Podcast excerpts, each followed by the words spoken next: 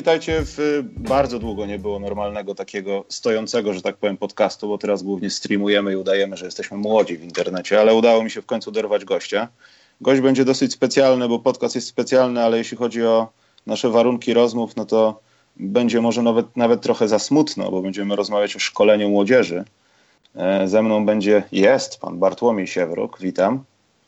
Witam. Nie wiem, nie chcę się zapytać, który, ale chcę się zapytać, kiedy będzie Filip w końcu w NBA. Bo wszyscy na tą odpowiedź czekają. Co osoba, z którą nie powiedziałem, że będę z panem rozmawiał, no to skupiała się na tym. Dobra, tam, Michał, pieprzyć szkolenie, pogadajmy o Filipie, kiedy on będzie w NBA. Czy ta Barcelona go nie wypluje i nie przeżuje, tylko czy on będzie w NBA? No i, no i pytanie kiedy. Ja wiem, że pan odpowie, że na pewno, ale kiedy? Ja chcę usłyszeć datę. Po osiemnastce? Przed osiemnastką? Nie no, póki co, póki co to jest to w sferze marzeń i, i, na razie tutaj pozostaje. Na razie chcemy, aby, aby, aby ten jego pobyt y, w Barcelonie mm, jeszcze mocniej się ugruntował, aby teraz po, po, po wieku kadeta, po U16 e, jeszcze mocniej wgryzł się w te struktury młodzieżowe, mm, żeby już y, na stałe się zadomowił w drużynie B, Barcelony, to są jak gdyby pierwsze priorytety. Tak szczerze powiem, to analizując to no, i oglądając i oceniając te wszystkie prospekty, które są do NBA w cudzysłowie, oczywiście biegające po, po, po, po boisku Barcelony z tego klubu właśnie, no to poprzeczka jest zawieszona niesamowicie wysoko. Także mm, trochę tutaj musimy stonować e, te nasze oczekiwania, może, może nie nasze oczekiwania, ale ale na to jeszcze trzeba poczekać. Naprawdę to jest, to jest długa droga. Mm. Nie no, tak trochę pół żartem, pół serio to pytanie z NBA, bo tutaj też ostatnio no, e, kilku chłopaków, znaczy ostatnio do tegorocznego draftu się zgłosiło, trochę nieoczekiwanych. E, na przykład e, Dziewa. Szczerze mówiąc, to chyba promocyjnie zrobili, żeby, żeby e, zapisać się przynajmniej, nie wiem, może na kartach historii albo w swoim CV mieć. Zgłosiłem się do draftu NBA, bo no, Ciężko, ciężko stwierdzić, że teraz w dwurundowym drafcie w NBA, czyli na 60 wyborów, nawet tych 10 czy 20 ostatnich wybieranych na zasadzie coś będzie z nich za 5 lat, żeby ktokolwiek z tej grupki naszej dwuosobowej, no chociażby został, nie wiem, jakoś zauważony, zaproszony na jakieś treningi od drużyn, które na pewno będą chciały wybrać jakiegoś Europejczyka. I tak się zastanawiam, po co? Właśnie temu Dlaczego? to służy. Właśnie temu to służy moim zdaniem. Mm, zgłoszenie się, zgłoszenie się do tego draftu daje teraz, z tego co się orientuje, gwarantowany udział w tym kampie Treviso, tak, na którym to ci tak. nasi zawodnicy którzy się zgłoszą, będą mogli właśnie dotknąć tego najwyższego europejsko-światowego e, poziomu, będą mogli mm, być poddani ocenie przez, przez trenerów e, z NBA, którzy, którzy przyjadą właśnie na ten kamp, e, będą mogli mm, zażyć nowe znajomości ludzi, którzy, którzy, którzy decydują o tym, kto gdzie gra. Także ja myślę, że to naprawdę pozytywnie i, i myślę, że to jest też kolejny krok do tego, żeby coraz e, głośniej było o, o, o polskim polskiej koszykówce w Europie. To jest kolejny odważny krok tych ludzi. Ja oceniam go bardzo pozytywnie. Oczywiście, jak to w naszym kraju, e, mnóstwo ludzi pewnie to hejtuje. Sam obserwowałem e, jaka jest jak gdyby atrakcyjność tego tematu. I, I, powiem szczerze, że wydawało mi się, że to, to będzie takie małe boom, przynajmniej w moim mniemaniu to, był, to, jest, to jest boom, że Polacy zgłaszają się do draftu NBA, a tak na dobrą sprawę nikt tego tematu tak nie pociągnął i tak go jak gdyby pozytywnie nie ocenia, nie? Także mam... Znaczy, ja to rozumiem trochę pod tym kątem, że no ludziom, e, ja już nie chcę mówić ekspertom, ludziom, którzy się zajmują NBA na co dzień w Polsce i tak dalej, e, postrzeganie jest takie, że ktoś się zgłasza do draftu, e, od razu na, na końcu głowy jest druga myśl, zgłosił się do draftu po to, żeby być wybranym, a nie po to, żeby się przypromować, pokazać się wśród innych tych zawodników, tak jak pan powiedział o tym, no można mini turnieju, mini kampie e, w Treviso. I wychodzi że, jak gdyby... Tak, że ludzie nie zdają sobie tej, z tego sprawy. Myślą, że tak jak, nie wiem, było z Mateuszem Ponitką, no, że on się zgłosił do draftu i wszyscy liczyli, że ten 50 czy 60 pik gdzieś tam przez San Antonio, bo mają to w zwyczaju, żeby wziąć Europejczyka, który no, nawet przez dwa lata może grać, czy nie grać, czy dłużej, dopiero potem albo nigdy nawet zostanie podpisany. tak, no takie jest postrzeganie tego, że jeśli zgłaszasz się do draftu, no to w takim układzie myślisz o tym, żeby cię wybrali. A tak wcale nie jest do końca. Z drugiej strony proszę sobie wyobrazić, że, mm, że, ci, że ci zawodnicy się nie zgłaszają, że taki dziewa się nie, pokaz, nie pokaże nigdzie w Europie. Kto wie, może ten wyjazd będzie dla niego otwarciem drzwi, może nie tyle Europy, może nie tyle NBA, co, co właśnie drzwi Europy. Być może jacyś z Ligi Hiszpańskiej, może, może, może z Ligi Włoskiej.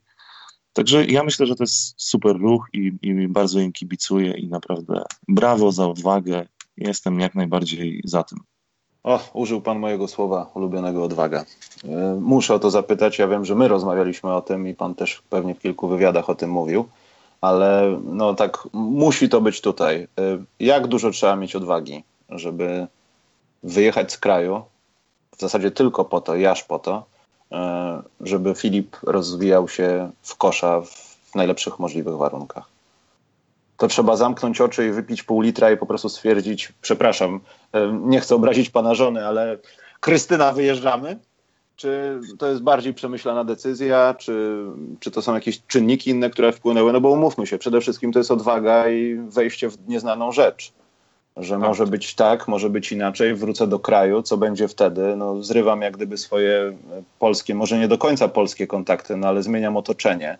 E, moja tak. rodzina wyjeżdża. No, to jest ciężki temat. Już nie tylko koszykarsko, ale tak no, społecznie, rodzinnie. No, wyjechać za pracą gdzieś, za, za, za, za tak sukcesami też, syna i tak dalej.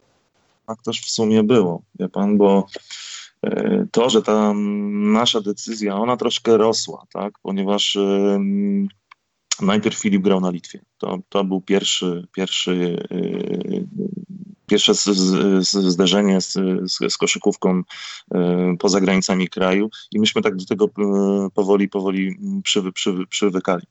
Mm, potem ta oferta gdzieś z Barcelony, no i faktycznie, tak jak pan mówi, siadamy i, i co dalej? No trzeba było podjąć tą decyzję, no bo skoro powiedziało się A, trzeba powiedzieć B i, i wierzyliśmy, że, że, że to jest dobry kierunek. Zresztą dużo wcześniej obserwowałem, oglądałem tam różne mecze i zawsze pokazywałem mm, tutaj żonie i mówię, no zobacz, jaki to jest zupełnie inny poziom od naszego, jak tu się biega, jak tu się broni, no. Mm, także ta decyzja była, była bardzo trudna i ona bardzo dużo konsekwencji ze sobą poniosła. Ja, y, kiedy wyjeżdżałem, można byłoby rzec, że miałem prężnie prosperujący y, swój mały klub koszykówki, gdzie było bardzo dużo dzieci, osiągaliśmy sukcesy, a, a po tym, e, kiedy Filip odszedł od, od, od tego naszego zespołu, odszedł kolejny zawodnik do, do Biofarmu Poznań, odszedł młody Igor Milicic do, do Trefla Stopot i nagle z jednego z najlepszych zespołów w Polsce przestałem się liczyć. Tak? Jako trener dla mnie było to bardzo trudne, ponieważ poświęciłem e, pięć lat e, codziennie ciężkiej pracy na to, żeby ten zespół był na poziomie e, do walki w Polsce i nie tylko. Myśmy bardzo dobrze, dobrze sobie radzili nawet na litewskich turniejach, które co prawda nie wygraliśmy, ale zawsze gdzieś tam graliśmy w finale. I potem nagle po powrocie już tego nie ma, tak? Pod moją nieobecność, no niestety trochę inaczej tutaj ludzie pracowali. Nie, nie mówię, że aż tak źle, ale trochę się to zmieniło. Także na tym polu na pewno e, ta przygoda e, kosztowała mnie wiele, nie? Także to, to nie było łatwe rozłąka z rodziną, wiadomo. Co. No właśnie, i w ogóle kupa tych spraw takich, no Boże, to już nawet nie mówię o tym, że jest zmiana otoczenia i to wszystko trzeba sobie układać od nowa, ale ta taka wielka niewiadoma, no, że e, ja wiem, że może w przypadku Filipa to tak nie jest, ale w przypadku młodych koszykarzy często tak jest. Może nie na tym poziomie, no bo to są już ludzie, którzy są w jakiś sposób ukierunkowani, wiedzą, co chcą robić w życiu i może im tylko przestąpić jakiś naprawdę przestąpić drogę jakiś naprawdę straszny przypadek, jakaś kontuzja albo w ogóle cokolwiek innego. E, nie wiem, brak chęci do gry. Ale właśnie te chęci do gry, właśnie ta myśl o tym, że e, co się stanie, kiedy Filip stwierdzi, dobra, to nie dla mnie. No, oby tak jest. Ja wiem, ale wie pan, jak może być. No, ja nie chcę mówić, zostanę pianistą czy coś takiego, ale młodzi ludzie tak mają, czasami po prostu rezygnują. Wiem, że na poziomie Filipa to byłoby wręcz, no nie chcę powiedzieć głupie, no ale sam wie, jakie są jego możliwości. Sam na pewno ma rysowaną przyszłość przez pana, co może być dalej. Nie mówię tutaj o NBA, ale jak możesz się rozwijać jako koszykarz, człowiek i etc. ale to też było bardzo, znaczy jest dalej, myślę, trochę ryzykowne, co, było, co będzie, jeśli się to się nie uda w jakiś sposób. Bo to jest właśnie ta odwaga chyba przede wszystkim. No przede wszystkim. Z drugiej strony mm, takie mm, brak pozytywizmu no, przyciąga te porażki, tak? Także może, może trzeba tak myśleć, że, że jednak nam się uda, tak? Ponieważ y, od początku y, idziemy w sposób y, powiedzmy mm, inny, taki niepospolity, nietuzinkowy, idziemy w swoim jakimś tam wypracowanym pomysłem. Póki co on się sprawdza. Może, może może dobrych ludzi spotykaliśmy na swojej drodze, może trafiliśmy do odpowiedniego miejsca. No, czas to oceni, ale póki co chcemy wierzyć, że to wszystko idzie w dobrym kierunku. Bo jeżeli będziemy się tak zadręczać już teraz, no to, to chyba też się przeniesie na, na samego Filipa, tak? Póki tak, co poza tym, poza tym ostatnio taka dygresja. Widziałem w telewizji, gdzieś skipując po kanałach, są takie głupie kanały jakieś EZO TV i tak dalej, że świeci babka wróżka i tam coś tam wróży z kart i tak dalej. I trafiłem na moment, kiedy ktoś tam do niej dzwonił i właśnie zadawał jakieś takie pytania, czy tam nie wiem, coś złego mi się nie stanie i cały czas było coś złego, coś złego. I tak przez chwilę zostałem. Ta kobieta wyglądała dosyć dziwnie, jakby była wyciągnięta gdzieś z jakiegoś średniowiecznego lasu i brakowało tylko jakichś oparów, jakichś, nie wiem, e, ziół i tak dalej. I ona powiedziała do tej osoby, proszę nie przyciągać złych afirmacji z kosmosu to niby trochę głupio brzmi, ale to jest tak innymi słowy, no krakanie, no. To też jest czasami tak, żeby nie przyciągać tych złych rzeczy, bo no istnieje coś takiego, może nie jak przeznaczenie, ale to, że w jakiś sposób definiujemy to, co mamy zrobić zaraz. Jeśli źle się do tego nastawimy, no to mamy takie podejście, że może nie do końca się postaramy, bo liczymy się z porażką albo zakładamy, że ta najgorsza rzecz może się stać, dlatego mamy inne wyjścia A, B, C, D, dlatego tego wyjścia głównego jakoś nie kreujemy w pozytywny sposób. I to tak często też w koszu jest, no nawet w samym treningu. No. Warto nie zakładać najgorszych rzeczy, po prostu. I tak rozśmieszyło mnie te afirmacje złe z kosmosu, ale coś z tym jest. No może nie w kosmosie samym w sobie, ale to krakanie faktycznie nie ma sensu często. I co, póki co hmm, tak e, ładnie nazwany feedback, który płynie co jakiś czas do nas, czyli jak gdyby taka ocena z Barcelony jest, jest, jest bardzo pozytywna dla Filipa, jest wielu, na wielu płaszczyznach jest bardzo dobrze oceniany, jak wielki zrobił postęp, jak, jak jak się właściwie zaadoptował, zaasymilował do tych wszystkich e, nowych warunków. To nie jest wcale takie proste, wie pan, e, nauczyć się właściwie dwóch języków w tak szybkim e, czasie i, i, i rozpocząć normalną naukę w szkole no otwartej. No właśnie, no właśnie. Tak. To trzeba się jeszcze uczyć, to nie znaczy, że to już NBA za progiem i tak dalej. To trzeba normalnie się uczyć, normalnie przechodzić te wszystkie szczeble edukacji, że tak powiem. No i to też nie jest proste. Po drodze przecież jesteśmy ludźmi, mamy emocje, po drodze bywały zwątpienia, doskonale wszyscy wiedzą, to nie jest takie hop i mieliśmy i kryzysy i właściwie pierwszy rok, pierwszy rok, kiedy nawet ja tam byłem, to można byłoby rzec i nie boję się powiedzieć takiego słowa, że ja właściwie to cierpiałem. A powinienem się cieszyć, że, że, że, że moje dziecko gdzieś tam dostaje wielką szansę, ale ja cierpiałem z, na wielu płaszczyznach. Chociażby, chociażby takiej jako ojciec, że tracę kontrolę nad, nad pewnie nad synem, bo musiałem się całkowicie wyłączyć z oddziaływania na niego. Nie miałem prawa mm, żadnej decyzyjności, właściwie żadnej. No właśnie, jak trudno jest nie zostać w takiej sytuacji lawarem bolem? No, no, bo, no bardzo. Bardzo. Bo to jest syn, tak? Krew z krwi. Jednocześnie jest pan trenerem, więc ma pan taki obiektywizm w sobie, że to może nie do końca jest mój syn, tylko muszę postrzegać go jako zawodnika, czyli gościa, który nawet na scoutingu biegnie i muszę coś pociąć i pokazać jakieś jego elementy, ale jednocześnie jest to mój syn. I wiem, że patrząc na przykład tego faceta ze Stanów, no on przesadza, wariuje, robi z tego show, kręci pieniądze po prostu i chce zarobić. E, ale ciężko jest nie być lawarem takim. No, strasznie. Ja powiem szczerze, że ja czasami gdzieś tam boję się, że tak czy siak to taka powiedzmy miniaturowa łatka tego typu gdzieś i tak do, do mnie zostanie przyklejona prędzej czy później, albo być może nawet już jest, ponieważ no, e, tu z jednej strony jest taka ludzka radość, tak? Ciężko pracowaliśmy, moje dziecko dostało sukces, szansę na sukces i osiągnęło już jakiś tam sukces.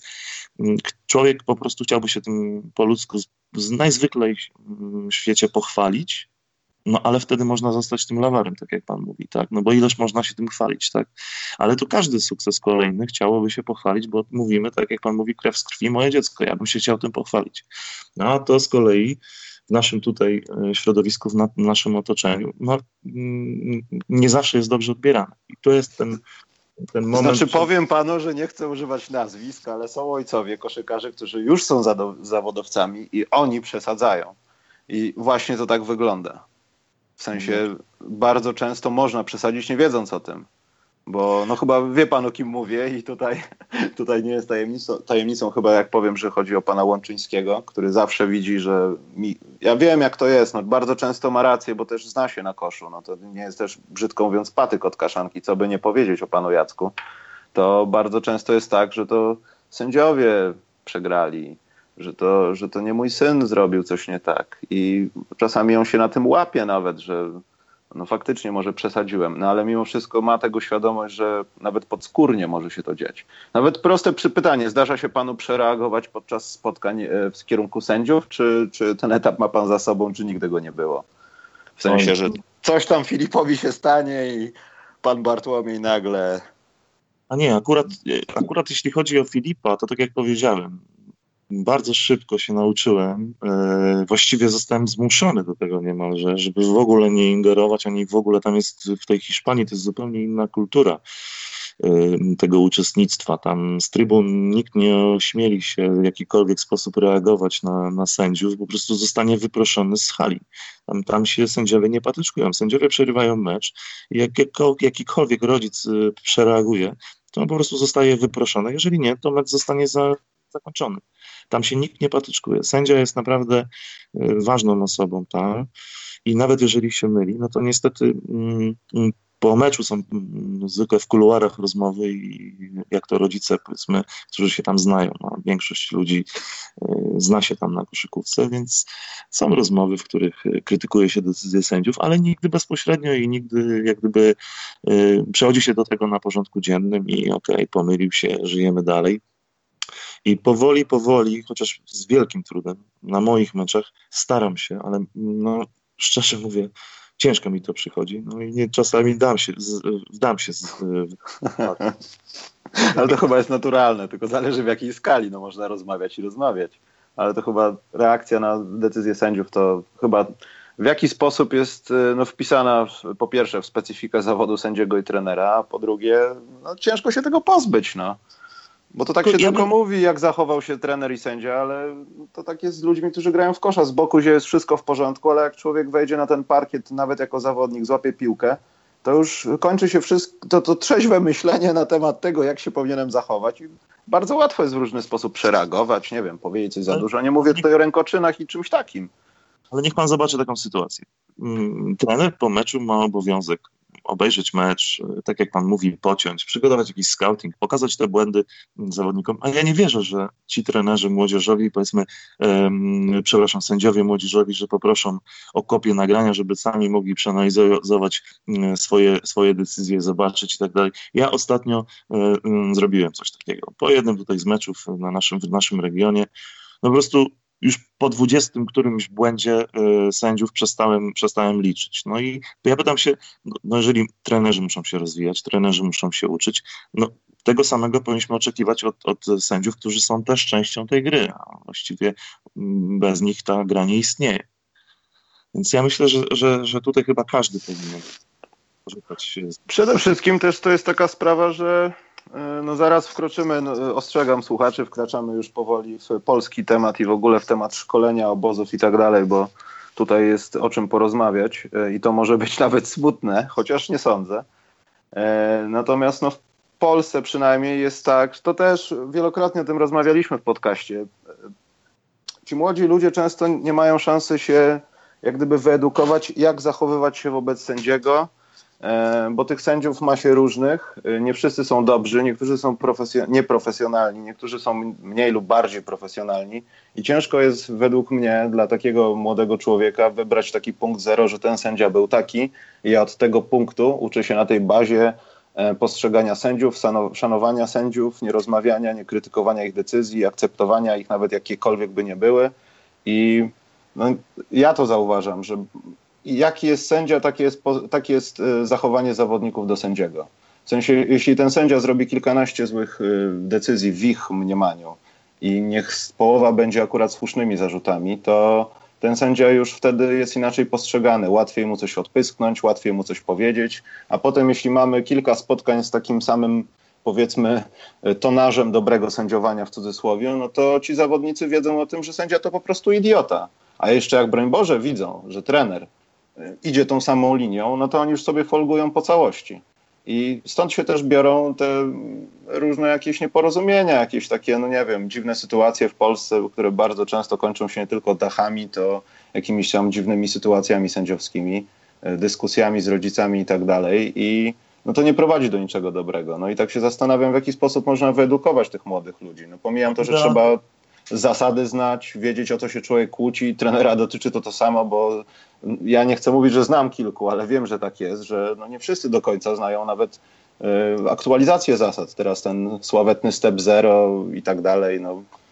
Idealny obrazek to byłby taki, gdzie zajmuje, czy tam młody zawodnik zajmuje się graniem, trener zajmuje się mm, opieką nad zespołem, pracą nad zespołem, a sędziego prawie nie widzimy. Tak? Robi swoje, mm, jest e, bezstronny, odgwizduje przewinienia wtedy, kiedy są, nie wymyśla mm, często przewinień.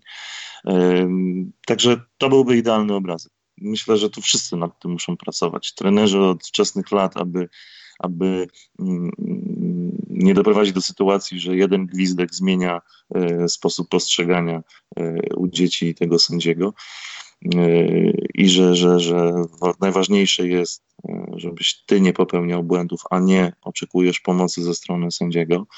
Sędzia tak, musi... zagraj 20 dobrych posiadań, a nie zwalaj, że pięć ostatnich ci po prostu wydrukował, mówiąc kolokwialnie. Ale, od ciebie ale... tylko zależy, ile punktów zdobędziesz, a nie od sędziego po prostu. Jak dobrze zagrasz mecz, tak on wyjdzie, a nie, że on tam dwa gwizdki dał ci źle i, i ty przegrałeś ale... przez to mecz drugiej strony no, sędziowie też muszą. Na przykład bardzo mi się podoba i myślę, że mm, być może ktoś, kto to słucha, do poziomu mm, bodajże U14, o ile się nie mylę. Sędzia nie dotyka piłki w hiszpańskiej koszykówce na przykład. Dzięki temu gra jest szybsza. Aha. Dzięki temu rozwija jeszcze mocniej IQ zawodników, ponieważ zawodnik, e, który stracił piłkę, natychmiast musi zareagować i musi stać się, e, przejść do obrony. Zawodnik, e, który był w obronie, bierze piłkę, natychmiast skakuje za linię boczną boiska, wprowadza piłkę do gry. No, gra praktycznie nie zwalnia. Dzięki temu, dzięki temu jest naprawdę dużo więcej mm, atrakcji, atrakcyjności w tej grze i naprawdę ten, ten sędzia e, tylko i wyłącznie mm, dotyka piłkę wtedy, kiedy y, podaje piłkę mm, podczas rzutu y, wolnego. I, i, i pierwsza sytuacja z rzutu sędziowskiego. Jeżeli, jeżeli musi mm, pokazać, czyje jest przewinienie, wtedy jest dłuższa przerwa, tak? bo podchodzi do stolika, pokazuje. Ale gra jest praktycznie cały czas jest gra w tempie na żywo i tam sędziów, i tam naprawdę sędziów nie widać oglądam e, różne z różnych regionów. Ostatnio bardzo świetne mecze mm, kadr regionów na poziom U12 mnie zabił. No, to, jest, to jest coś niesamowitego. I to trzeba zobaczyć, jak to tempo e, wzrasta. Sędziowie nie przeszkadzają, dzieciaki grają, trenerzy zajmują się zespołami. No, no wygląda to naprawdę niesamowicie. Ech, to naprawdę mamy, mamy czego zazdrościć, niestety. Po raz kolejny to powiem, ale mamy czego zazdrościć. Bo podejrzewam, że te pomysły to one wychodzą z, z tego, no to co pan powiedział o tym niedotykaniu piłki i tak dalej. Nie dlatego, że ktoś mądry w FIBie gdzieś coś wymyślił, tylko po prostu stwierdziliśmy, że tak będzie lepiej, bo skoro chcemy się rozwijać i chcemy mieć jakiś plan, no to w niektórych, tak jak pan powiedział o tym niedotykaniu piłki, to pewnie też dotyczy innych elementów, nie wiem, jakichś tam skalach wiekowych, tam powiedzmy do U12 czy 14, nie wiem, inne warunki obrony, bo pewnie też coś tam takiego w Hiszpanii jest, że nie wiem, e, muszą bardziej kryć e, z większą presją albo, albo coś w ten deseń. To myślę, że to są rozwiązania takie pod grę ich po prostu. Tak, jeden z elementów, które nas, naszą koszykówkę e, odróżniają od koszykówki hiszpańskiej, to jest właśnie ta presja to w obronie. To krycie, krycie zawodnika na odległość jednego podania. Jeżeli ta piłka dojdzie tak? Jeżeli ja bronię na odległość jednego podania, tutaj trenerzy i ludzie, co się znają na koszykówce, na pewno wiedzą, o czym mówię. I ja pozwoliłem, że mój zawodnik otrzymał piłkę. To jest mój błąd w obronie. To jest momentalnie idzie ze strony trenera informacja, chłopie, przegrałeś y, grę bez piłki w obronie. To prawda, to prawda. A u nas, a u nas popatrzyłem. A u nas na... nie, bo Marek źle obronił przed chwilą i panie trenerze, dlatego ja nie zdążyłem zbiec. Tak jest. Teraz kilka meczów y, y, półfinałów U16, no i niestety obrony nie ma. Ona jest markowana, tak zwana obrona, na radar. Na odległość dwóch odległości ramienia. To Ale jest... wie pan, to jest dobrze, bo to jest uczenie, znaczy dobrze, tak ze śmiechem dobrze, bo to jest takie uczenie już tej późnej zasady, że return react, wiesz, w wieku 12 lat zawodniku mój masz reagować, mnie tam nie interesuje, co my robimy na treningach, po prostu reaguj na grę. A to nie tędy droga. To, to, takie rzeczy to można zaczynać dopóki w momencie, kiedy się ma wszystko, że tak powiem, obcykane w tej grze, a nie tak naprawdę ma się nic i trzeba reagować jak jakiś nerw wystający z ręki na ból. I to też jest taka no, pokuta trochę tego, tego naszego pomysłu na grę. No ale dobrze, y, jeszcze tylko chciałbym zapytać o najmłodszy pana na rybek, y, bo zawsze kolejne pokolenie jest lepsze w jakiś sposób. Czy Antek będzie lepszy od Filipa? Na pewno mm, ma w tym wieku większy potencjał. Wydaje mi się, że, że ma większy talent niż. Natomiast. natomiast Filip nie może słyszeć tego podcastu. Ale, ale Filip jest, e, ma, jakby to powiedzieć, lepsze ciało. Filip Aha. ma na tak, Filip ma niesamowite warunki atletyczne. Antoś niestety będzie musiał ciężko pracować, żeby dorównać do, do, do Filipa. W jakim wieku Antek jest? 12 lat, 194 cm. Chryste, panie, to gdzie, gdzie, co pan, to pan jakieś geny gdzieś trzyma po piwnicy? Co się dzieje? Przecież to... Zawsze sobie żartuję, że to są kurczaki z Czernobyla. no tak, no to się zgadza. To, to, tam coś napłynęło, nawiało. E, ale co, e, jakieś głosy są, że Antek będzie też gdzieś podążał zagranicznymi torami brata, czy, czy tak raczej to niewyraźnie wygląda i jest testowany jakoś tak delikatniej? Czy... Jest testowany delikatniej. Byliśmy już na jednym takim, powiedzmy, mm, turnieju na Gran Canaria, na tej mini kopie, gdzie, gdzie, gdzie Antek pierwszy raz gdzieś tam się pokazał. No ale bardzo często Hiszpanie testują chłopców e, młodszych, tak? Czyli e, na docelowej imprezie powiedzmy U14 testują chłopców, którzy mają 12-13 lat i wtedy gdzieś na podstawie tego kontrastu potrafią zobaczyć, ocenić i, I, ten turniej akurat, na którym byliśmy, był troszkę za silny dla Antka. Jednak y, mm, trafiliśmy do zespołu, który też bardzo potrzebował zwycięstwa, więc trochę mm, trener y, mniejszą rotacją tutaj dysponował, także Antek za mocno aż się tam nie pokazał. Aczkolwiek wszyscy zauważyli jego potencjał i to, jaki może być tam gdzieś kiedyś. No nie? Natomiast na tą chwilę na pewno jest, jest, jest, jest jeszcze potrzebny mu czas na, na, na, na dojrzenie. No ale liczę, że e, duet się wróków zawita do kadry wcześniej czy później. Bo i tu przechodzimy, moi drodzy, do tego smutnego, smutnej części, czyli szkolenia w Polsce. No i też pogadamy o obozach pana Bartłomieja. E, nie chcę zaczynać od tego, co złe, a potem mówić o pana obozach. Natomiast e, gdyby mógł pan podać, ja wiem, że bardzo ciężko jest i bardzo trudno, ale takie trzy najważniejsze rzeczy, e, dzięki którym w Polsce szkolenie no, jest takie, jakie jest. Co by tym było? Hmm, powiem, hmm, jak myślę i, z, mhm. i zaraz, zarazem podeprę to jak gdyby działaniami, które są już, żeby to zmienić. Więc jak gdyby ta świadomość hmm, tutaj w świecie tworzący koszykówkę polską jest czyli popularność do tej pory, tak? czyli popularność tej dyscypliny, która strasznie gdzieś spadła. No i teraz ku temu mm, jak gdyby mm, na ratunek wyszły te projekty typu smoki, asy parkietów, czyli te działania odgórne jakieś tam, bo przecież do niedawna zawsze się zarzucało, że PZKosz nic nie robi, no to mamy odpowiedź, no, że zaczęli coś robić, tak? Czyli mamy te szkolne, młodzieżowe ośrodki koszykarskie, które gdzieś tam powstają i będzie jeszcze coraz więcej. Także to jest odpowiedź na na spadek popularności koszykówki w szkołach. No i, i, i tu teraz potrzeba czasu, żeby, żeby to zafunkcjonowało.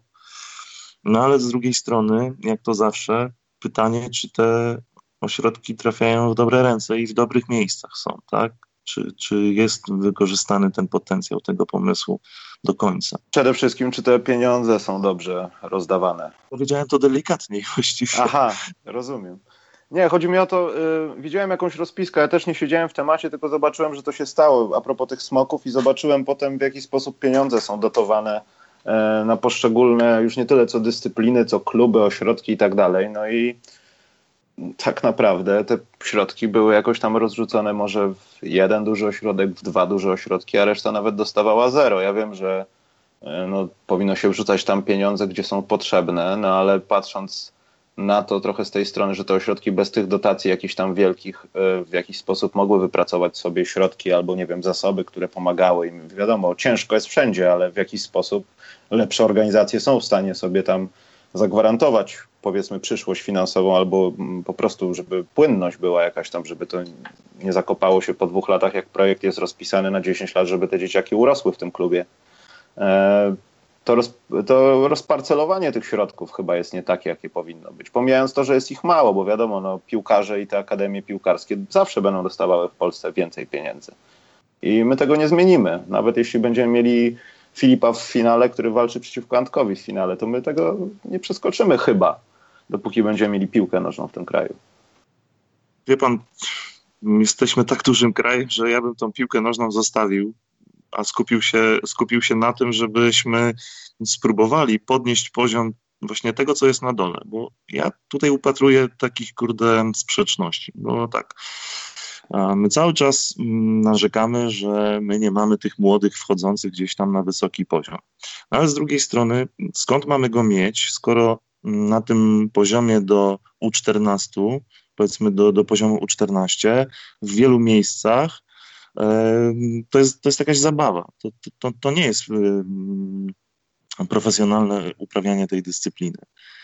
I teraz e, w wieku 16 lat, 17-18, my już powinniśmy zawężać to na, na tyle mocno, żebyśmy na tym poziomie mogli wskazać, że ten zawodnik X to, to, jest, to jest przyszły gościu do PLK. I, i zaczęliśmy wcześniej, i to jest, to jest super, w wielu ośrodkach zaczyna się już e, w wieku 8 lat, 7 nawet. I, i tu w tym, tym upatruję, że za jakiś czas, powiedzmy za 5 czy 10 lat, te, te, te dzieci, które rozpoczęły przygodę z koszykówką, ale ze świadomymi trenerami, którzy się, którzy naprawdę chcą zrobić y, sport, a nie, a nie jakąś tam rekreację, to, to te dzieci zawitają naprawdę z dużym potencjałem i, i, i dobrze wyszkolone. Na poziomie U16, U17, U18 będziemy mówili o nich w kategoriach jako mm, gracze, którzy będą trafiali gdzieś tam do, na zaplecze ekstraklasy, czy nawet do ekstraklasy. A, a my mieliśmy przez wiele, wiele lat sytuację taką, że mówiono e, młody, perspektywiczny 25-latek. Tak, tak, młody, młody, bo on już grał 6 lat w pierwszej lidze i teraz jest jego najwyższy czas, żeby pójść do ekstraklasy. I, i my, potem, my potem mamy taką, y, taką trudną sytuację, że 18-latek się miota i nie wie, czy on będzie tym koszykarzem, czy on nie będzie tym koszykarzem. On dostaje jakiś fałszywy przekaz. Właściwie, jeżeli do tego y, momentu y, nie jest kimś, moim zdaniem powinien pójść w stronę nauki. A żeby tak było, to żebyśmy mogli o nim powiedzieć, że on jest w wieku 18 lat perspektywicznym zawodnikiem, to on przez te swoje minione 8 lat, on nie może się e, wygłupiać. On musi trenować w profesjonalnym programie. On musi trenować z profesjonalnymi trenerami, e, z profesjonalną motoryką. To jest, to jest, tak. jedyna, to jest jedyna droga.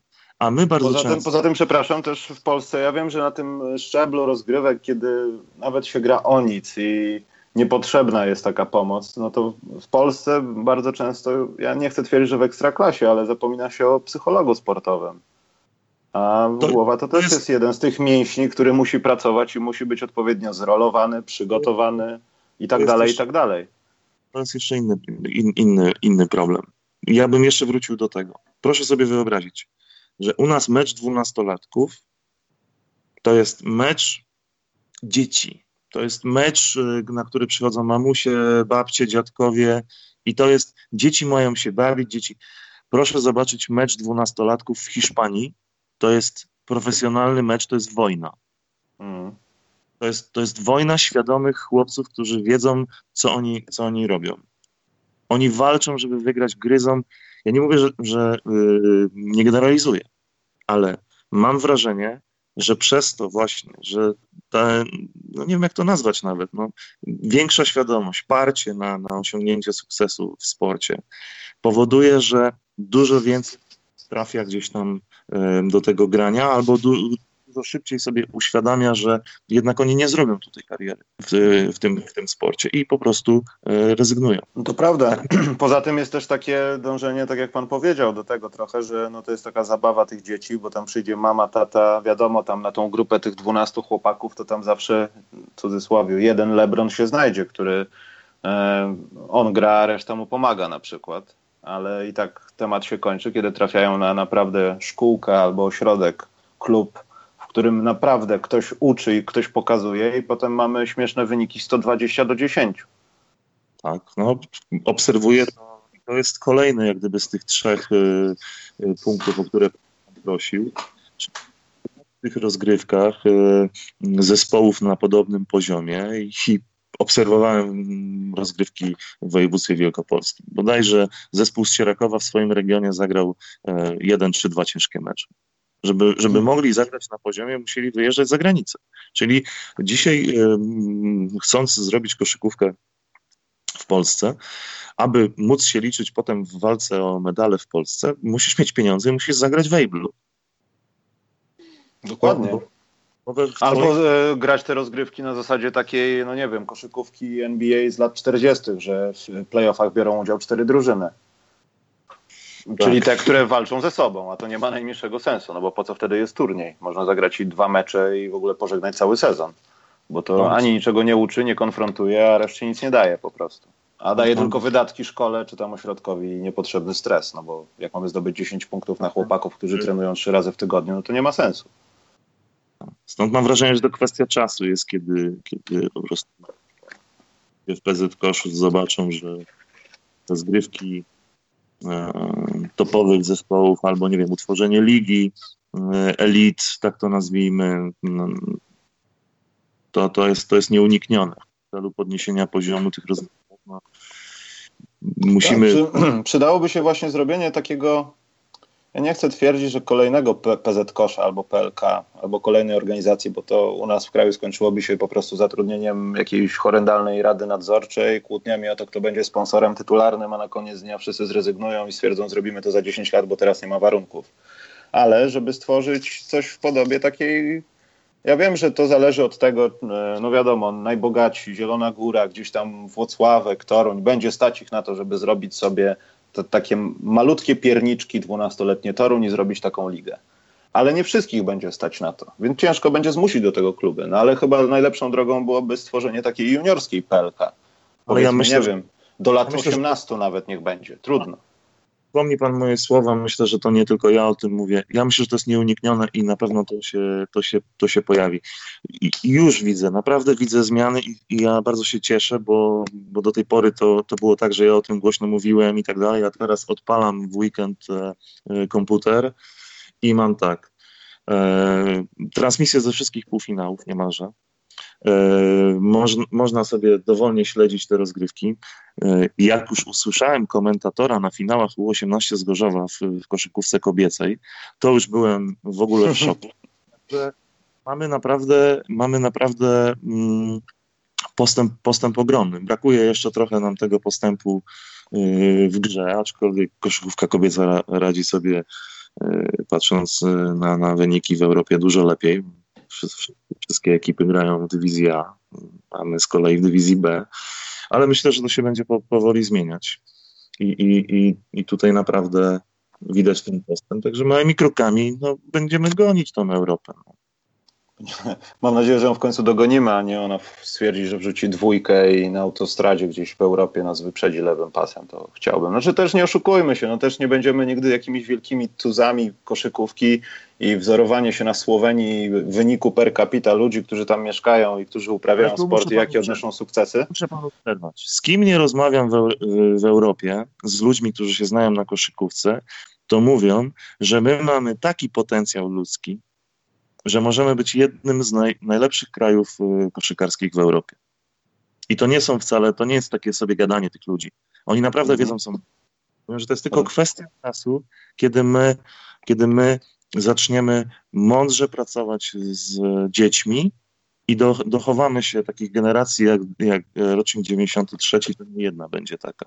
No tylko, tak. naprawdę, tylko naprawdę kolejnym takim problemem to jest y, współpraca ludzi. No proszę sobie wyobrazić, jak ja bym się uparł i nie puścił tych dzieci ode mnie. No tak. Taka Asia, taka Asia by nie zdobyła Mistrzostwa Polski, Burzyński najprawdopodobniej zdobędzie medal z biofarmem, y, ktoś tam jeszcze, ktoś tam jeszcze. Także no bez, bez, bez tej współpracy, no niestety, no, no nie, nie, nie zrobimy postępu. Dzięki... A że wszyscy ze sobą naobrażani, bo to jak w Polsce, no to konflikty rosną często. No to tak jest, no ale dzisiaj na przykład y, ja zawieszę sobie na szyi medal dzieciaków, które, które zdobyły ten medal i to jest po części też i moja praca. No, jedyne, co mi pozostało, to w ten sposób pocieszyć siebie, powiedzmy, bo, bo w inny sposób y, póki co tego medalu zdobyć nie mogę, ponieważ y, bycie trenerem młodzieżowym to jest, to jest, to jest, to jest bardzo trudna i taka yy, niewdzięczna czasami praca. Poświęca pan 6-7 lat. A potem e... zawodnika nie ma, zabierają. Dokładnie. Albo, albo jedna kontuzja, czy dwie. No proszę sobie teraz wyobrazić yy, przypadek yy, bodajże Nową Bydgoszcz, tak? Straciło dwóch zawodników w półfinałach Mistrzostw Polski, dwóch zawodników, reprezentantów Polski, yy, kontuzje im się przytrafiają. Oczywiście one są wliczone w ten sport. No i zespół nie awansuje dalej. No, Prawda? no niestety. No ileś lat pracy trenera. No, Poza tym jeszcze jest taka dodatkowa rzecz, że... Postawić nie może. Nie? Tak, że to tak, tak to się mówi w tych warunkach NBA, że tam przykład, nie wiem, Dirk Nowicki zrobił kilka rzeczy ciekawych w NBA i jak już skończyły się tematy o mówieniu, gdzie grał i tak dalej, no to przywoływano jego pierwszego trenera. E, a tak naprawdę no, rzadko kiedy się przywołuje nazwiska tych ludzi, którzy zaczęli tą przygodę, że puścili tą maszynę w ruch, że tak jak pan powiedział, przez 6-7 lat pokazywali niektóre rzeczy, uczyli, Właśnie, ja poświęcali czas, a ja potem jak promotor bokserski zabierają zawodnika, no i tutaj on już jest talentem i się mało pamięta o tym pierwszym trenerze, który... który ja uważam, ja uważam, że ten drugi klub, jeśli popracuje tyle samo lat, co pierwszy trener, wtedy, wtedy dopiero możemy się zrównać. Jeżeli ja poświęciłem 7 lat na pracę, a klub, który pozyskał zawodnika, poświęcił rok czy dwa, no to ja wciąż jestem na przewadze. Nie, ja jasne, to... tylko mówię o postrzeganiu medialnym tego takiego, że no, trener no, może no. czuć się taki niedoceniony, że widzi, że ten zawodnik osiąga sukcesy, jest najlepszy w jakiejś grupie wiekowej kraju, lidze i tak dalej i mało kto pamięta o tych pierwszych trenerach. Wiadomo, w końcu kiedyś ktoś powie o tym pierwszym trenerze LeBrona Jamesa, ale o pierwszych trenerach, nie wiem, rzucam przykładem Filipa Puta, nie dowiemy się na przykład. A to może dzięki nim Filip jest takim zawodnikiem, jakim jest, a reszta tego, co się działo w jego karierze, no to jest po prostu naturalny rozwój w warunkach, w których został osadzony. Tak, takim przykładem rzucam na przykład. No. I to też jest na pewno przykre, niewdzięczne przede wszystkim. No. No dlatego gdzieś mm, mm, rzuciło mi się w oczy fajnie Libi, który prezentuje na swojej stronie, powiedzmy. On, on gdzieś pisze, kto jest pierwszym. Gdzieś tam widziałem, że on, on e, umieszcza nazwiska pierwszego trenera, e, zawodnika, e, który, który zmienia barwy klubowe i reprezentuje inny klub. To pisze, że pierwszym trenerem był ten i ten. To, to jest fajne. Uważam, że tak powinno być. Zibi powinien w ogóle gdzieś przekształcić swoją działalność e, w jakiś gigantyczny scouting, bo on naprawdę ma taki przelot tych dzieciaków w Polsce i też chyba nie tylko, że naprawdę podziwiam, że on pamięta. Jak się z nim rozmawia czasami, to co do daty, co do nazwiska, co do godziny, w ogóle ta jego szafa z tymi koszulkami. Boże święty, naprawdę takich pasjonatów to trzeba, po prostu trzeba w koszykówce. Ja zapewniam pana, że yy, mnóstwo, może nie mnóstwo, ale sporo jest ludzi, którzy się zawodowo tym e, parają, takim scoutingiem i przeglądem e, i wyszukiwaniem potencjalnych talentów. No i to jest trochę na trochę innym poziomie, na trochę innych zasadach to działa niż, niż to, Nie, co... jasne, ja nie mówię o takim y, czystym scoutingu samym w sobie, ale mówię o tej znajomości tego, że naprawdę no, Zibi nie robi tego od wczoraj. e, i on dalej jest w grze, on dalej e, jeździ po, po pierwsze na te turnieje, jest zapraszany, żyje z tymi dzieciakami. Poza tym to już jest któraś generacja tych dzieciaków, no, które tam gdzieś tam są nakręcone przez niego, może odkryte, bo pokazał komuś tam tego zawodnika i tak dalej. Dla mnie ten przykład z Przemkiem Karnowskim i e, z Mateuszem Ponitką, kiedy tam wchodził do ich szatni, jak mieli tam po, nie wiem, 15-16 lat i rozmawiał z nimi, to co będzie w przyszłości, no to świetna sprawa. No i takich ludzi w Polsce jest mało, bo tak naprawdę no, nie powiemy tajemnicy, no Zibi z tego nie żyje. To nie jest jego, że on tak dużo jeździ, to on na tym tak zarabia takie pieniądze, że on jeździ i jeździ. No tak wcale nie jest. Tak wcale nie jest. Dlatego Nawet też... był roku na naszym kampie. Też jako gość zaprosiliśmy go właśnie po to, żeby się przyjrzał, żeby... Właśnie. Teraz będzie gwóźdź programu, bo mówiliśmy o bardzo smutnych rzeczach, a teraz będę pana Bartłomieja maglował, dlaczego ten obóz jest taki wspaniały i dlaczego on tak bardzo zmienia y, rzeczy, a przede wszystkim dlaczego nikt o nim nie wspomina. Bo je, ja jestem zaskoczony, szczerze mówiąc. To nie jest pierwsza edycja. Właśnie, może pan opowie coś na ten temat. No to jest ósma edycja, czyli osiem, osiem, e, ośmiokrotnie spotkaliśmy się e, w lipcu. E, pierwszy obóz bodajże był w 2011 i mieliśmy jedną edycję zimową, na której to mm, pracowałem ze starszym zespołem z rocznika 96 Byłem wtedy e, trenerem zatrudnionym w Żaku Koszali. I te osiem, i te osiem e, edycji, e, właściwie każda z nich była inna i na każdej z nich mieliśmy ciekawych trenerów zagranicznych. Zależało mi na tym, żeby stworzyć, stąd może nawet taka nazwa trochę na wyrost, bo, bo wiedzieliśmy, że to wymaga wielu lat pracy, żeby rozwinąć taki projekt i zrobić niejako z tego markę i, i, i, i, znany produkt, na który będą chcieli mm, przyjeżdżać, e, na które będą chciały przyjeżdżać dzieci. I za każdym razem szukaliśmy mm, trenerów, którzy chcieliby nas tutaj wesprzeć i nigdy nie mieliśmy problemów. W tym roku będziemy mieli aż trzech zagranicznych trenerów. Mogliśmy oczywiście i więcej, no ale nie chcemy, żeby ten, ten kamp też nie wiadomo jaki był drogi. Więc w tym roku będziemy mieli naprawdę nie lada atrakcje, bo wraz ze zmianą przepisów FIBowskich, bodajże w 2017, tak, odnośnie tego kroku zero, nawiązaliśmy współpracę z gościem, który z trenerem bardzo doświadczonym z Portugalii, który wiele lat i w reprezentacji Portugalii prowadził i, i wiele lat był trenerem Sportingu Lizbona, a teraz jest wykładowcem i nie tylko. Pisze książki, prowadzi bloga, jest naprawdę takim y, trenerem, profesorem.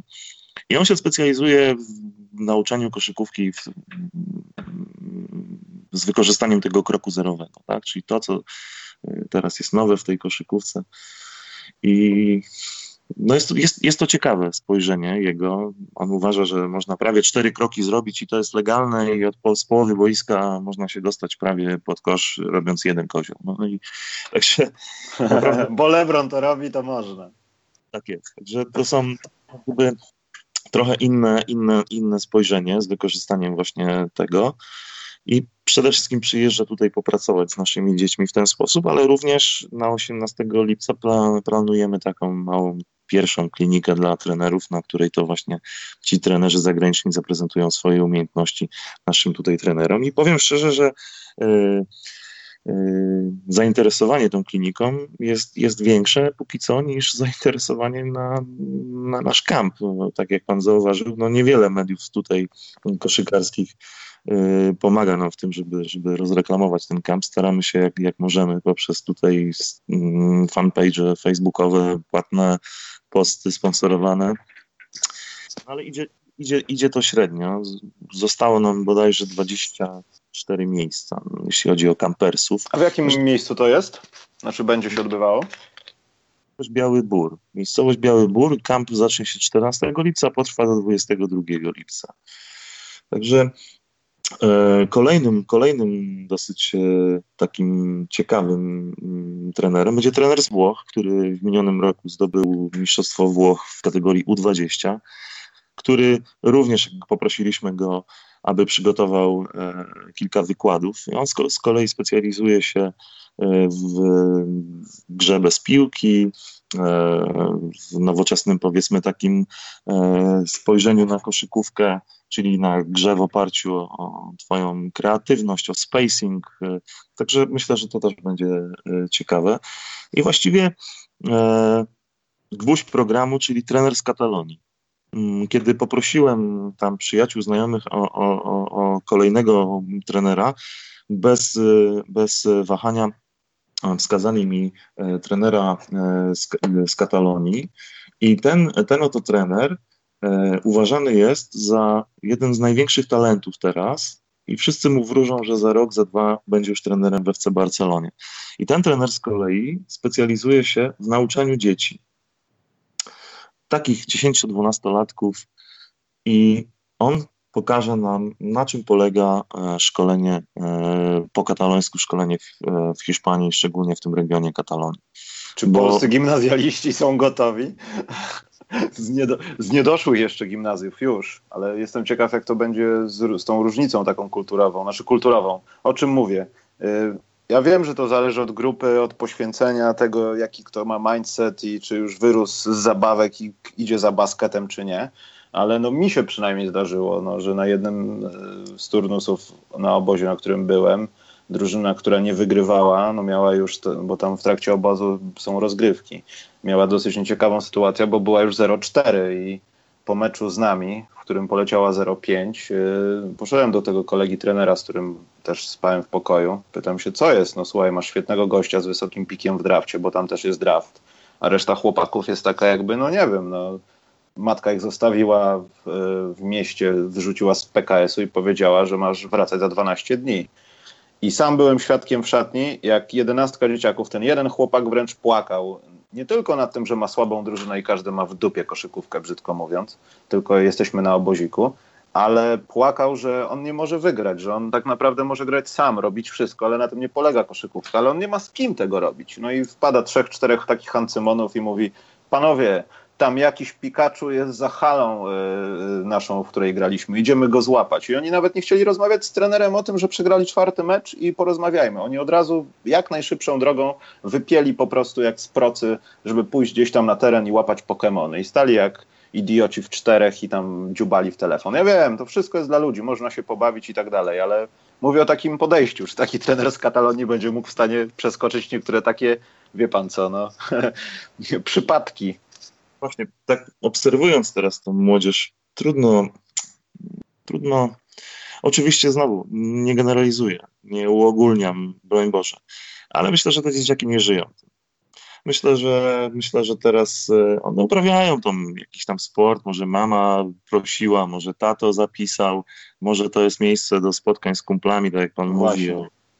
Natomiast właśnie miałem e, takie marzenie i myślę, że w momencie, kiedy e, jak gdyby pierwsza edycja tego kampu się pojawiła, no wtedy miałem super zespół z rocznika 94. Mm, wtedy pod egidą AZS-u Koszalin pracowałem z tymi chłopcami i, i ich, ich, ich mental, ich, ich świadomość, ich chęć pracy była, była taka, że po prostu na treningach nie oszczędzali się, dawali z siebie wszystko, wokół nich była zawsze mokra plama. Natomiast Teraz dochodzimy do takiego momentu, w którym kamp się robi coraz bardziej profesjonalny, ale brakuje dzieci, które by chciały tak profesjonalnie e, popracować, ponieważ nie, ma, nie mają świadomości, no one tym po prostu nie żyją. Bardzo często na zajęciach z dwunastolatkami czy trzynastolatkami pytam się, oglądaliście ostatnio mecz jakiś w koszykówkę? Oglądaliście jakiś, jakiś mecz w telewizji? No niestety nie ale y, to, że się gdzieś tam w grupach spotykają i, i, i grają na komputerach, no to to jest ten, ten czas, który spędzają. I, i, I, I przepraszam, oczywiście... jeszcze to pytanie, jak zacząłeś koszykówkę? No, tam brat mi pokazał NBA 2K14, no i tak się zainteresowałem. Tak, tak. Bardzo często y, są chłopcy, którzy mają warunki i naprawdę ich trzeba y, nakłaniać, ich trzeba przekonywać, ich trzeba niemalże prosić, jakimś podstępem y, zaciągać na, na trening, a, a ci, co nie mają tych warunków, no gdzieś tam lubią, chodzą i różnie, różnie to może być na koniec. Naprawdę zaskakuje mnie, że nie ma takiej świadomości wśród tych dzieciaków, że on by chciał gdzieś pojechać na, na kamp koszykarski, jeżeli jest jeszcze taka szansa, żeby tutaj e, popracować e, z trenerami zagranicznymi, no to, to trochę strach, no bo jak ja się z nim będę mógł porozumieć, oczywiście... Tak, bariera językowa mimo wszystko jest też potworna, mimo że te dzieciaki no, są... Proszę mi wierzyć, proszę mi wierzyć, że po dwóch, trzech dniach na kampie e, dzieciaki się otwierają i zaczynają rozmawiać. No, bo to tylko taka wstydziocha jest. Tak, tak. Językiem, językiem e, e, na kampie jest oczywiście język angielski, chociaż przygotow przygotowany mamy słownik hiszpańsko-polski i angielsko-polski, różnych sformułowań i zwrotów koszykarskich i nazw, które dotyczą koszykówki. Wcześniej dzieci to oczywiście mają rozesłane, mogą trochę się tego poduczyć, ale proszę wierzyć, że takim, jak to się mówi, effortem ci trenerzy, czyli zaangażowaniem, takim oddaniem sercem, no to zachęcają te dzieciaki i otwierają te dzieciaki. Po dwóch, trzech dniach dzieciaki zaczynają mówić, odzywać się śmiało po angielsku. Naprawdę proszę mi wierzyć, że na kampie mamy również trenerów polskich no to po jakimś czasie z uwagi właśnie na, na yy, taką ekspresyjność zachowań tych trenerów podczas treningów, dzieciaki wolą trenować z trenerami z zagranicy niż z trenerami polskimi. I to, to, mi się bardzo, to mi się bardzo podoba, bo to znaczy, że się uczą, to znaczy, że widzą tą różnicę. Oczywiście. No, jeszcze będą chciały coś z tego wyciągnąć, no to w ogóle będzie super dla nich. No. Bo tak jak wcześniej rozmawialiśmy trochę poza anteną, no takie 9 dni, nie oszukujmy się, no nie zmieni koszykarza średniej klasy w tym wieku kogoś, kto będzie po 9 dniach czarował. Natomiast to, co on z tego wyniesie i nawet ta chęć przyjechania na następny obóz, albo nawet trenowania samemu w domu, bo to nie zawsze są przecież ludzie, którzy grają w jakichś klubikach. Często to są chłopaki jacyś tam z blokowiska i mamy boisko i chcemy być lepsi na przykład. I nie ma się co oszukiwać, że te takie 9, 10, 12 dni, czy ile tam standardowo trwa obóz, no bo taki turnus to maks chyba, nie wiem, 12 dni może być. E, Mi się to, wydaje, że tak? za dużo. To, to za dużo? Obóz okroiliśmy do, do 9 pełnych dni. Nawet wydaje mi się, że nam dobrze przepracowane to nawet 10 dni dla, dla takich dzieciaków to jest za dużo. Oczywiście, jeżeli mielibyśmy tutaj połączyć jakąś taką większą atrakcyjność wypoczynku, włączyć tutaj jakiegoś tam więcej plażowania, powiedzmy, no to wtedy zmienilibyśmy charakter tego kampu, a my chcielibyśmy, żeby ten kamp jednak był takim z jasnym przekazem. Tak? Jedziesz do nas mhm. po to, żeby uczyć nowych rzeczy technicznych, żeby uczyć się nowej techniki, żeby zobaczyć, jak to robią e, w innych krajach, żeby poznać nowych trenerów. Właśnie, to jest bardzo istotne. Ja, ja bym bardzo chciał, żeby na przykład dać, mm, gdybyśmy dali wybór wyboru, tak? Uwolnilibyśmy jak gdyby te wszystkie nasze, e, e, mm, jakby to nazwać, e, obawy i pozwolili, żeby te dzieci mogły gdzieś tam sobie pojechać, to ja myślę, że ten wyścig napędziłby postęp nas wszystkich. I kampy poszłyby, musiały mm, podnieść swoją jakość i praca trenerów klubowych musiałaby się zmienić. Oni też musieliby się uczyć. Napędziłby się postęp, o którym ja, ja, ja tak mówię, że on musi być. A jeżeli dziecko nie zobaczy nic nowego i tkwi w swoim klubiku i trener nie pozwala mu gdzieś tam pojechać nie, z niewiadomych przyczyn, no to trener jest bezpieczny, tak? Bo dziecko wróci, czy tam nie, jeżeli nie pojedzie, no to, to, to nie ma nowych bodźców, nie ma nowego przekazu, nie ma nowych informacji. A ja w sezonie potem mam ten sam wynik, bo nie dałem mu dzieciakowi uciec. No i mam sezon z głowy i dalej mi płacą. No i tutaj wchodzą te polskie nasze warunki, no, że trenerzy no, często myślą o własnej posadzie i sukcesach, a nie o tym, żeby nawet zrobić coś ryzykownego.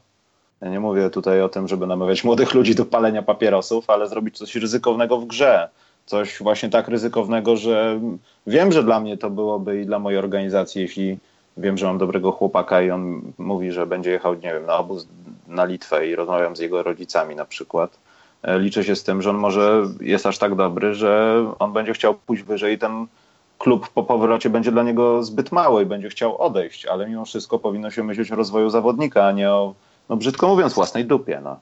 Co tu dużo ja ukrywać. Ja bym zaryzykował, ja bym zaryzykował jeszcze coś. Może, może to być takie bardzo kontrowersyjne. Ja myślę, że że to przede wszystkim chodzi o zawodnika, że trener już miał swój czas jako zawodnik. Teraz trener ma zrobić wszystko, żeby dać rozwój temu zawodnikowi i potem cieszyć, tak jak ja się cieszyłem wczoraj, bo, bo, bo moja zawodniczka zdobyła złoty medal mistrzostw Polski.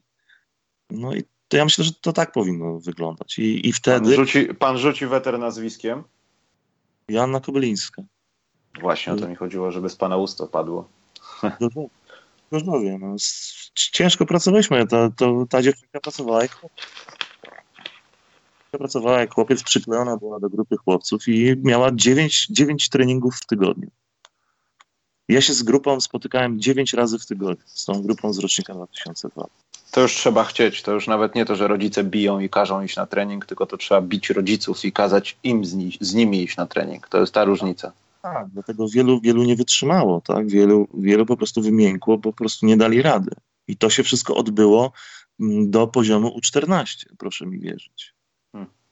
Filip, Filip na poziomie U14 już był w Hiszpanii. Yy, Igor Burzyński kończył jeszcze U14 u nas. I Igora Milicicza juniora już nie było u nas i Joanny Kobylińskiej już nie było u nas. Także mm, to się, to się my zaczęliśmy pracę z tą grupą, kiedy, kiedy ta grupa miała 8 lat. Te dzieci miały 8 lat i skończyliśmy y, właściwie tą, ten pierwszy etap w momencie w wieku 14 lat. Czyli książkowo, tak jak powinno być.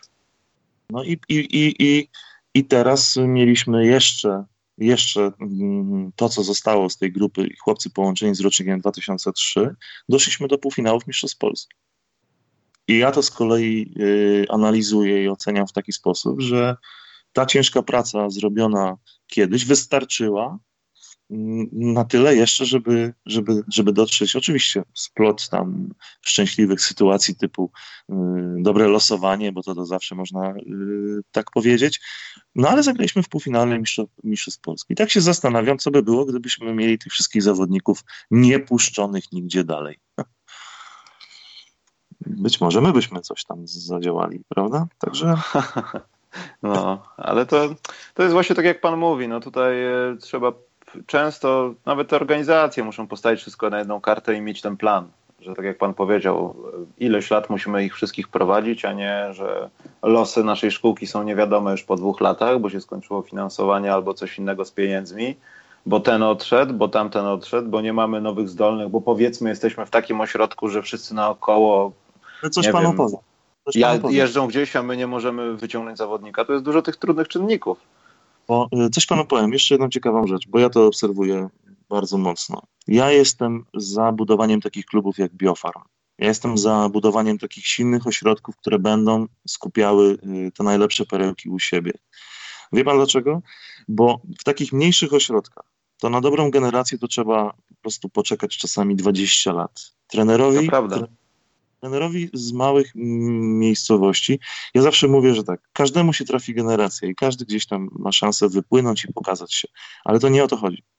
Tu chodzi o to, żeby y, nawet bez tej generacji być zauważonym i docenionym. To powinniśmy zmienić.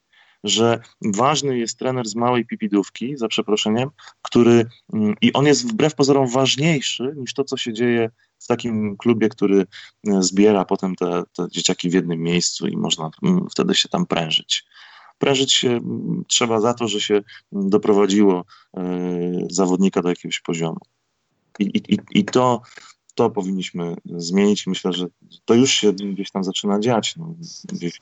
Ten przykład Poznania, no to to jest chyba blueprint tego, jak to powinno wyglądać, bo oni w pierwszej lidze dwa, trzy, no, trzy sezony temu wyglądali fatalnie. Wyglądali naprawdę jak juniorska drużyna, która no nie wiadomo, czy powinna tam być. W następnym sezonie wystrzał. Naturalną koleją rzeczy wśród nowych, Proszę młodych zobaczyć. ludzi jest to, że rosną. Więc oni proszę urośli, zobaczyć. po prostu stali się starsi, byli lepsi. Ale proszę zobaczyć, jakie struktury. O to mi chodzi, że możemy wziąć zawodnika z pierwszej ligi, przesunąć niżej, że mhm. możemy, że możemy juniora e, puścić wyżej, że możemy kadeta puścić wyżej, tak, że jest, jest jakby jeden pomysł w klubie, ktoś, ktoś to kontroluje, ktoś to nadzoruje. Mi się to bardzo podoba i tego typu... Poza tym y, młodzi zawodnicy są stamtąd. Tam w zespole Biofarmu, jeśli pojawił się jakiś weteran, no to był siłą rzeczy weteran, no, który na jakiejś pozycji nie tyle co miał utrzymać wynik, co po prostu pokazać tym młodym ludziom, no dobra, słuchajcie, to jest pierwsza liga, ale mimo wszystko to jest takie półprofesjonalne, nazwijmy to. No, można powiedzieć, że to jest profesjonalne, ale no, już nie chcę wchodzić w szczegóły, ale Pamiętajcie o tym, że jesteśmy w jednej grupie. Trener jest cały czas, oni się znają od podstawówki, bo uczyli się niż, w niższych szczeblach razem z tymi trenerami, z tym otoczeniem i tam nikt niczego nie zmienia. Z roku na rok jest pewna sytuacja. Gracie wy, mamy się jeszcze, rozwijać i taki jest plan i koniec. Jeszcze jedna rzecz. Proszę sobie wyobrazić, niechby oni jeszcze dołożyli e, zespół w PLK i mieliby pierwszy poważny klub w Polsce, który mógłby konkurować, jeśli chodzi o budowę swoją i swoich struktur z, z klubami z zagranicy, bo posiadałby od niemalże dziecka po e, seniora grającego w najwyższej klasie rozgrywkowej, bez żadnego oszustwa, bez żadnych umów, bez żadnych współpracy jakichś dziwnych, bez, bez e, jakichś e, wymyślonych pomysłów tylko to byłoby wszystko w ramach jednej, jednego klubu, jedna struktura. Samowystarczalni po prostu. 10 takich klubów w Polsce podnosi e, system e, rozgrywek młodzieżowych i podnosi jakość polskiej, polskiej koszykówki młodzieżowej, a to z kolei by się przełożyło na, na sukcesy wyżej. Bo ci chłopcy, ci chłopcy trenując na co dzień w takim zacnym gronie, czyli najlepsi gdzieś tam pozbierani, e, oni, oni muszą robić postęp. Jeżeli nie, oni nie robią postępu, to tam, to tam należy zmienić trenera. Bo, bo e, tak wyselekcjonowana grupa musi robić postęp. Przynajmniej powinna w teorii. Tak? No tak, szczyt selekcji, sam, sam czubek tej piramidy końcowej, no tego, tego zlewiku najlepszych. No, to, to faktycznie zgadzam się. Poza tym oni mi imponowali ławka trenerska, no reagowanie tam na wszystko, granie juniorami tak naprawdę w seniorskiej koszykówce, a jednocześnie walczenie o wynik, y, poprawianie tego wyniku z roku na rok, że nagle walczymy o spadek, a teraz będziemy walczyli o playoffy, takie no, naturalne rzeczy, które wychodzą w rozwoju po prostu nawet cielesnym, bo te no, dzieciaki, no nie chcę źle powiedzieć, ale młode chłopaki, no oni po prostu rosną i się rozwijają, to jest naturalne, że będą z roku na rok coraz lepsi albo będą przede wszystkim inni w stosunku do tego, co było w poprzednim roku. No to rozmiary butów i tak dalej, to pan wie najlepiej, jeśli chodzi nawet o Antka. No to jaki Antek ma rozmiar buta? Bo się aż boję spytać. 48. Jezu. 48. A, a Filip? 50.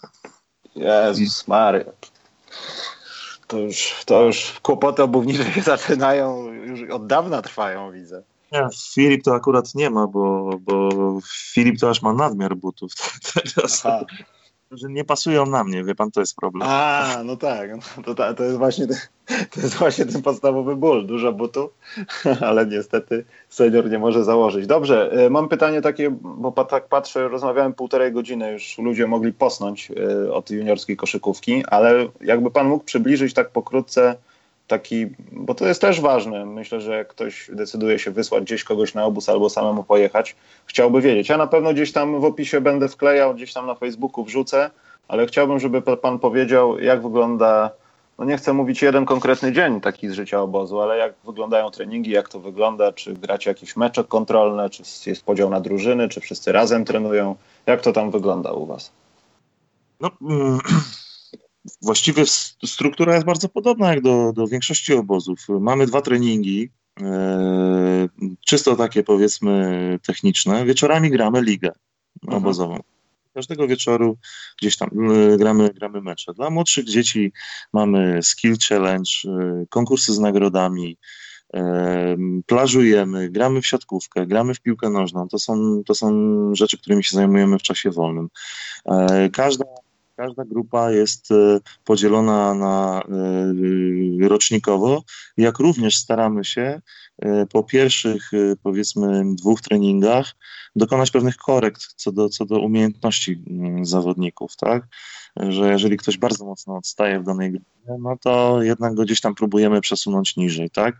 Oczywiście y, robimy to tak delikatnie, żeby tam nikogo nie, nie, nie, nie, nie, nie zabić pierwszego dnia, żeby tam od razu uzmysłowić, że się tutaj nie nadaje, że jest słaby. To nie o, nie o to nam chodzi. Tak? Chcemy, żeby, żeby w tych grupach praca, praca była e, na poziomie i żeby nie było chłopców, którzy gdzieś tam przeszkadzają sobie. Tak?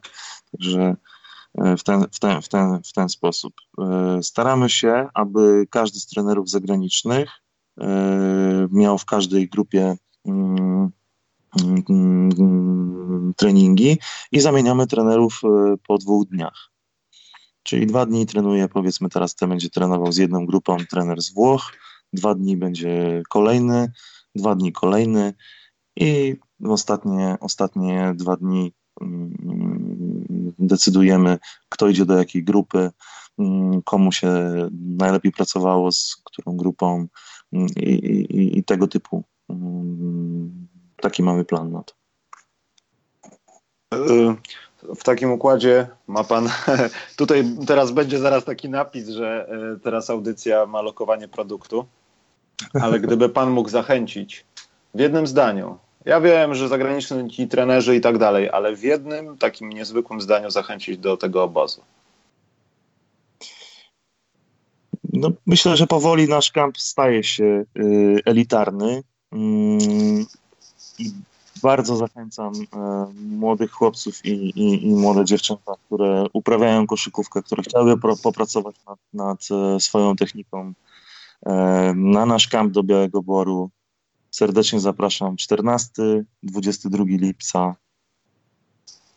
Organizatorem jest Basket Koszalin.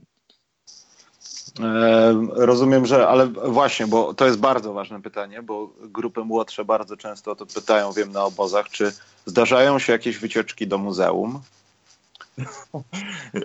Nie. Albo do innych miejsc, bo powiem panu, że byłem w takim mieście, byliśmy w muzeum.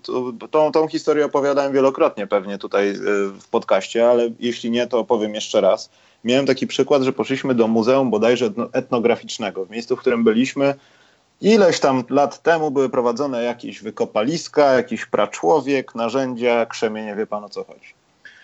No i poszliśmy. Oczywiście chłopaki kompletnie nie, muzeum to jest w ogóle kompletna porażka, y, gdzie są chipsy i PlayStation, nie ma sensu tam iść. No ale musieliśmy tam pójść. Poszliśmy. No, chłopaki bardzo byli zniechęceni do tego, ale była bardzo miła pani, która oprowadzała po terenie. Tam był jakiś tam do jakiegoś namiotu pradawnego, można było wejść. No i nastąpił etap, kiedy pani chciała ich rozerwać i zaczęła wyjmować z półeczki e, różne te narzędzia i dawać im do rąk i pytać, co to waszym zdaniem jest. No i to był chyba jakiś coś do obrabiania skór. Krzemień zaostrzony w taki sposób jak skrobaczka do szyb. Chłopak mhm. dostał to w ręce, tak patrzy na to, patrzy i kompletnie to nie był żaden chamski żart, ironia. Na pytanie, do czego to jest podobne, padło, wie pani co? No tak do kuponów od McDonalda. Ja w tym momencie musiałem wyjść na świeże powietrze, bo nie możemy bić dzieci na obozach. Ale y, stwierdziłem, że to, to, to na obozach sportowych u młodszych dzieci nie może zachodzić. Wycieczki do muzeum chyba nie są wskazane. Paintbole i to wszystko, owszem, ale żadna wiedza. Dlatego zadałem to pytanie z muzeum, bo na pewno dzieci będą ciekawe, czy jest muzeum do muzeum nie chodzimy. Jeżeli powiedzmy trafia nam się okres, kiedy mamy gorszą pogodę, no to mamy taką halę, salę taką powiedzmy multimedialną, gdzie, gdzie mamy Aha. telewizor, oglądamy tam jakieś filmy. Młodsze dzieci czasami lubią obejrzeć jakiś film o charakterze nawet i koszykarskim, czy chociażby z, ten super film z Michaelem e, Jordanem. Space, Space Jam leci cały czas, dobrze. Trzeba kultywować. Kultywować także tego typu rzeczy, tak. Nie chcemy teraz właściwie. Nie po to przyjechali trenerzy z zagranicy, żebyśmy gdzieś tam jeździli po, po, po, po wycieczkach. Chcemy właściwie. Oni tu przyjeżdżają do pracy, przekazać jak największą ilość swojej wiedzy dzieciom też. Siedzimy. Znaczy ja nie twierdzę, że chodzenie do takich miejsc, nie, słuchacze, nie odbierzcie tego źle, to chodzenie do takich miejsc wcale nie jest passé. Y, mało tego, byliśmy na jednej wycieczce takiej y, w miejsce coś ala zamek, baszta i tak dalej i było całkiem przyjemnie. Natomiast zauważyłem też, nie chodzi o mój obóz, ale zauważyłem, że często mój obóz jak mój obóz, że często pojawiają się te upychacze takie. -hmm, że -hmm. zapchajmy, bo mentalność, no to sam byłem, sam słyszałem, sam od innych trenerów słyszałem, no, że kiedy tworzy się plan dnia takiego obozu, wiadomo, to musi nastąpić przed całym obozem, żeby wszystko było rozplanowane tip-top i ewentualnie można było tylko naprawiać dziury jakieś, które zawsze wyskoczą. Ale mentalność jest taka, mamy tak zająć czas tym dzieciakom i jednocześnie tak je zmęczyć, żeby nie były w stanie sprawiać nam kłopotów i że tak powiem brzydko, świrować pawiana na ośrodku, tylko żeby o 21 już byli wszyscy w łóżkach. No i stąd się bierze to, to zapychanie, żeby nie było tych wolnych chwil na szaleństwa. A to tak, tak. też nie do końca powinno być, bo te, bo te zapychacze można inaczej upychać po prostu. No. Można inaczej się ich pozbywać. Chodzimy nad jezioro, mamy tam dostęp do rowerów wodnych, do, do łódek, także jest, jest tam strzeżona plaża, są wydzielone miejsca do, do kąpieli. Zawsze trenerzy są w wodzie, też y, nadzorują, także jako, jako nawet i forma odnowy tak, dla nóg po, po, po, po ciężkich treningach, no to to jezioro jest, jest naprawdę fajne, fajne. I czyste jezioro przede wszystkim, bardzo ładne. Dobrze. Może odwiedzę, sprawdzę, czy pan naprawdę nie zabiera ich do muzeum. Będzie taka wizytacja może specjalna. tak, myślę, że nie poruszyliśmy wszystkich tematów, o których chcieliśmy pogadać, dlatego panie Bartłomieju myślę, że złapiemy się jeszcze raz. Ale dzisiaj serdecznie dziękuję za rozmowę. Nie było za smutno i nie weszliśmy na taką nutę, że y, w Polsce może być dobrze, ale jednak dalej jest źle. Nie, nie chcieliśmy tak zrobić. Chcieliśmy po prostu powiedzieć, jak trochę jest. I tak dobrze myślę. No, znaczy, patrząc w kierunku Ameryki, w ogóle całego kontynentu, to i w ogóle Europy, no to ja wiem, że sam był, jestem z tą, jedną z tych osób, które też nie do końca są zadowolone z tego, co się dzieje. Ja nie mówię tu o sytuacjach klubowych, ale nawet takich półamatorskich, kiedy jakieś organizacje stwarzają organizacje dla dzieci, żeby, żeby pograć po prostu w kosze, ale tutaj o klubowym graniu nie ma mowy, no bo talentu nie ma po prostu, bo ci lepsi są gdzieś indziej. Natomiast no, ciężko jest ukrywać y, to, że, że faktycznie może nie jesteśmy aż w tak złym miejscu, jak, jak możemy czasami po prostu mówić, nie wiem, w złości albo po prostu w jakichś chwilach, kiedy naprawdę wszystko jest do dupy, kadra przegrywa, w zarządzie PLK dzieją się cuda i tak dalej, ale mimo wszystko no, sam fakt, że rozmawiamy teraz o koszykówce sprawia, że może jesteśmy, nie chcę powiedzieć w ciemnej dupie, ale w niszy, ale to w tej niszy jesteśmy w stanie egzystować no, w jakiś sposób i ją rozwijać, w sensie wychodzić powoli z tego cienia, bo musimy zdać znaczy... sobie sprawę, no, świat nie opiera się na Marcinie Gortacie i NBA i to ani ziębi, ani grzeje. My musimy walczyć o swoje tu i teraz i nie patrzeć się na innych, bo świat nam ucieka, kiedy patrzymy się na resztę. A propos tego pytania o tych trzech rzeczach, które to trzecią rzeczą byłoby, bo chyba tego nie powiedzieliśmy, aby jak najlepsi trenerzy pracowali na samym dole mm, z nowym narybkiem. To by zmieniło naprawdę bardzo dużo. No dobrze, e, to dzięki jeszcze raz. Słuchajcie, podcast specjalny może będzie jeszcze jeden taki, e, taki jak teraz w tym tygodniu, ale sprawdzajcie na Facebooku, na pewno będziemy coś tam jeszcze streamować odnośnie finałów konferencji. Także dziękuję panie Bartłomieju za dziś, trzymajcie się i do usłyszenia.